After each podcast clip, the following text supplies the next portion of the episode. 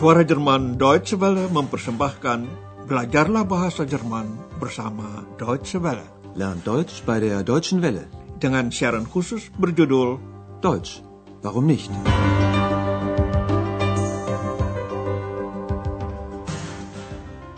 Saudara pendengar sekalian, dalam pelajaran ketiga seri keempat hari ini, kami langsung mengajak Anda ke Brandenburg tanpa mengulang materi pelajaran sebelumnya. Brandenburg termasuk kelima negara bagian yang baru bergabung dengan Republik Federal Jerman pada tahun 1990. Setelah berpisah selama 40 tahun pada tahun 1990 itu, Republik Federal Jerman dan Jerman Timur atau Republik Demokrasi Jerman kembali menjadi satu negara. Pelajaran hari ini berjudul Brandenburg, Air, Pasir, dan Kentang. Brandenburg, Wasser, Sand, und Kartoffeln. Mari turut serta dalam perjalanan keliling Brandenburg, dengarkanlah reportasenya Andreas.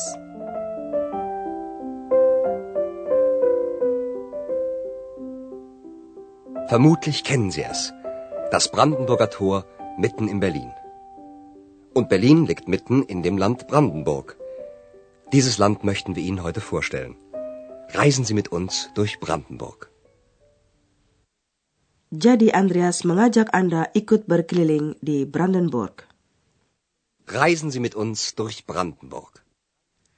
Ia ingin memperkenalkan negara, Land Brandenburg kepada Anda.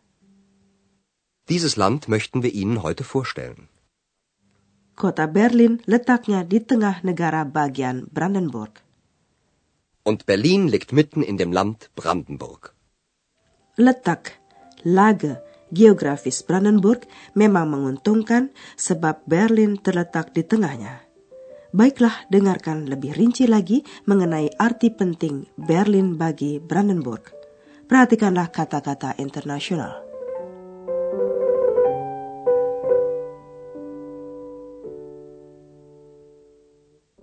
Es ist klar, dass Brandenburg von Berlin, der Hauptstadt von Deutschland, profitiert. Berlin wird politisch und ökonomisch wieder wichtig sein. Nicht nur für Deutschland, sondern auch für Europa. Brandenburg akan memperoleh untung, profitieren dengan adanya Berlin, ibu kota Jerman. Dengarkanlah pernyataan ini sekali lagi. Es ist klar, dass Brandenburg von Berlin, der Hauptstadt von Deutschland, profitiert. Memang hal itu berlaku juga di masa lampau, akan tetapi tidak selama periode terbelahnya Jerman dan Berlin. Baru sekarang ini Berlin kembali memegang peranan penting. Di bidang politik dan ekonomi, Berlin kembali akan berarti penting tidak hanya bagi Jerman, melainkan juga bagi Eropa. Berlin wird politisch und ökonomisch wieder wichtig sein, nicht nur für Deutschland, sondern auch für Europa. Nah, cukuplah uraian mengenai keuntungan geografis. Kita lanjutkan perjalanan ke Potsdam, ibu kota negara bagian Brandenburg yang memiliki puri, schloss, indah yang berasal dari abad ke-18. Istana ini diberi nama penuh arti Sang Susi, artinya tanpa kesusahan, Sorgenlos. Puri musim panas itu sering didiami oleh Raja Friedrich kedua yang juga diberi nama Yang Agung, Friedrich menyukai kesenian, die Künste, musik, filsafat, dan khususnya sastra Prancis. Inilah laporan Andreas.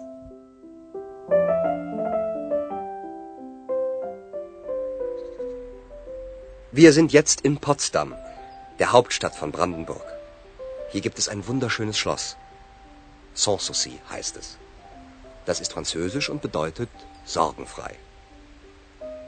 Das Schloss ist aus dem 18. Jahrhundert, der Zeit von König Friedrich dem Großen.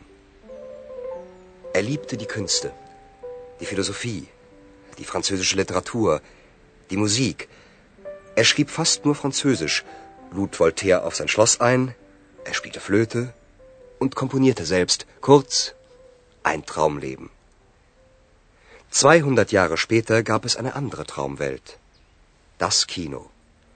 In der Nähe von Potsdam, in Babelsberg, gab es große Filmstudios. Hier produzierte man viele berühmte Filme. Nama puri yang berbahasa Prancis itu sans souci berarti tanpa kesusahan. Sans souci heißt es. Das ist französisch und bedeutet sorgenfrei. Puri itu berasal dari abad ke-18. Yang menyuruh membangunnya adalah Raja Friedrich yang Agung. Sebagian dengan mempergunakan rancangannya sendiri. Das Schloss ist aus dem 18. Jahrhundert, der Zeit von König Friedrich dem Großen. Seperti lazimnya seorang raja pada saat itu, Friedrich yang Agung tahun 1712 hingga 1786 pun terlibat dalam perang, namun ia berkegiatan juga sebagai filsuf dan sastrawan yang menjadikan Berlin sebagai pusat aliran seni dan sejarah. Mengenai segi itu dalam kehidupan sang raja, Andreas mengatakan ia menyukai kesenian, filsafat, sastra Prancis, musik. Er liebte die Künste, die Philosophie, die französische Literatur, die Musik. Friedrich yang Agung menyukai seni musik, ia memainkan suling dan mengubah sejumlah konser untuk suling. Er spielte Flöte und komponierte selbst. Andreas menyimpulkan pendeknya kehidupan idaman. Kurz, ein Traumleben. Lalu Andreas langsung melompat ke abad ke-20. Ujarnya, 200 tahun kemudian ada dunia impian lain, dunia film. 200 Jahre später gab es eine andere Traumwelt. Das Kino. Salah satu tempat produksi bagi impian seperti itu terletak di sekitar Potsdam.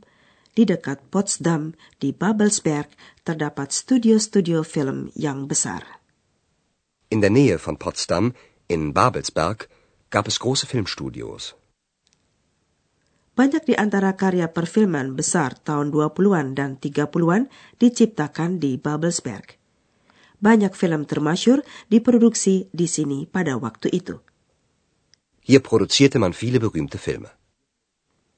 Perjalanan dilanjutkan melalui pedataran ke daerah Haveland yang bersuasana tenang dan alami, idilish. Di sana Andreas bertemu dengan seorang petani yang menceritakan berbagai hal mengenai keadaan usaha pertanian. Pada waktu masih adanya negara Jerman Timur, kebutuhan pokok semua warga dipenuhi oleh negara, tidak ada pengangguran. Para petani pun dapat hidup dari hasil pekerjaan mereka. Hal itu berubah sejak tahun 1990, lahan kembali menjadi milik swasta dan diberlakukan sistem ekonomi pasar. Untuk pertama kali, masyarakat mengalami persaingan. Ikutilah dialog itu. Äpfel, wunderschöne Äpfel aus dem Havelland. Möchten Sie nicht ein paar Äpfel? Ja, gern. Hm. Stimmt. Die schmecken gut. Schön ist es hier. Richtig idyllisch. Aber die Situation ist gar nicht idyllisch. Wieso? Viele Menschen in Brandenburg lebten schon immer von der Landwirtschaft. Zu DDR-Zeiten versorgte uns der Staat. Die Felder gehörten zwar dem Staat, es gab keinen Privatbesitz, aber wir Bauern konnten von unserer Arbeit leben. Seit 1990 ist das Land wieder in Privatbesitz und die Konkurrenz ist hart. Andrea senang melihat bentang alam yang indah di sekitar Sungai Havel. Indah di sini, betul-betul tenang dan alami. Schön ist es hier. Richtig idyllisch. Akan tetapi pemandangan indah itu memberi gambaran yang keliru kalau dibandingkan dengan situasi pertanian. Usaha pertanian itulah yang menjadi sumber nafkah bagi banyak orang di Brandenburg, baik dahulu maupun sekarang. Viele Menschen in Brandenburg lebten schon immer von der Landwirtschaft. Pada zaman Republik Demokrasi Jerman didirikan apa yang disebut Produktionsgenossenschaften atau Koperasi Produksi Pertanian. Lahan yang digabungkan menjadi ladang yang luas sekali digarap bersama oleh para petani dalam sistem monokultur. Kata sang petani, pada zaman Republik Demokrasi Jerman, kebutuhan kami dipenuhi oleh negara. Zu DDR-Zeiten versorgte uns der Staat. Pada tahun 1947, pemerintah Republik Demokrasi Jerman telah menasionalisasikan tanah. Memang ladang-ladang menjadi milik negara, tidak ada milik pribadi. Die Felder gehörten zwar dem Staat, es gab keinen Privatbesitz. Setelah penyatuan kedua negara Jerman, lahan kembali dijual kepada perorangan. Seit 1990 ist das Land wieder in Privatbesitz. Und die Konkurrenz ist hart. Baiklah kita melanjutkan perjalanan ke arah timur sambil terus memperhatikan pertanian. Hasil pertanian Brandenburg tidak hanya berupa buah-buahan, sayur, dan gandum serta biji-bijian lain, melainkan juga banyak kentang, kartoffeln. Raja Friedrich yang Agung yang mendirikan Puri Sanssouci itu pernah mendapat berita mengenai kentang. Tanaman tersebut dibawa dari Amerika Latin ke Eropa, dan sang raja mengetahui bahwa kentang dapat tumbuh di tanah Brandenburg yang kurang subur itu. Maka keluar perintahnya kepada para petani agar lahan dikeringkan, kemudian ditanami kentang. Dengarkan cerita Andreas.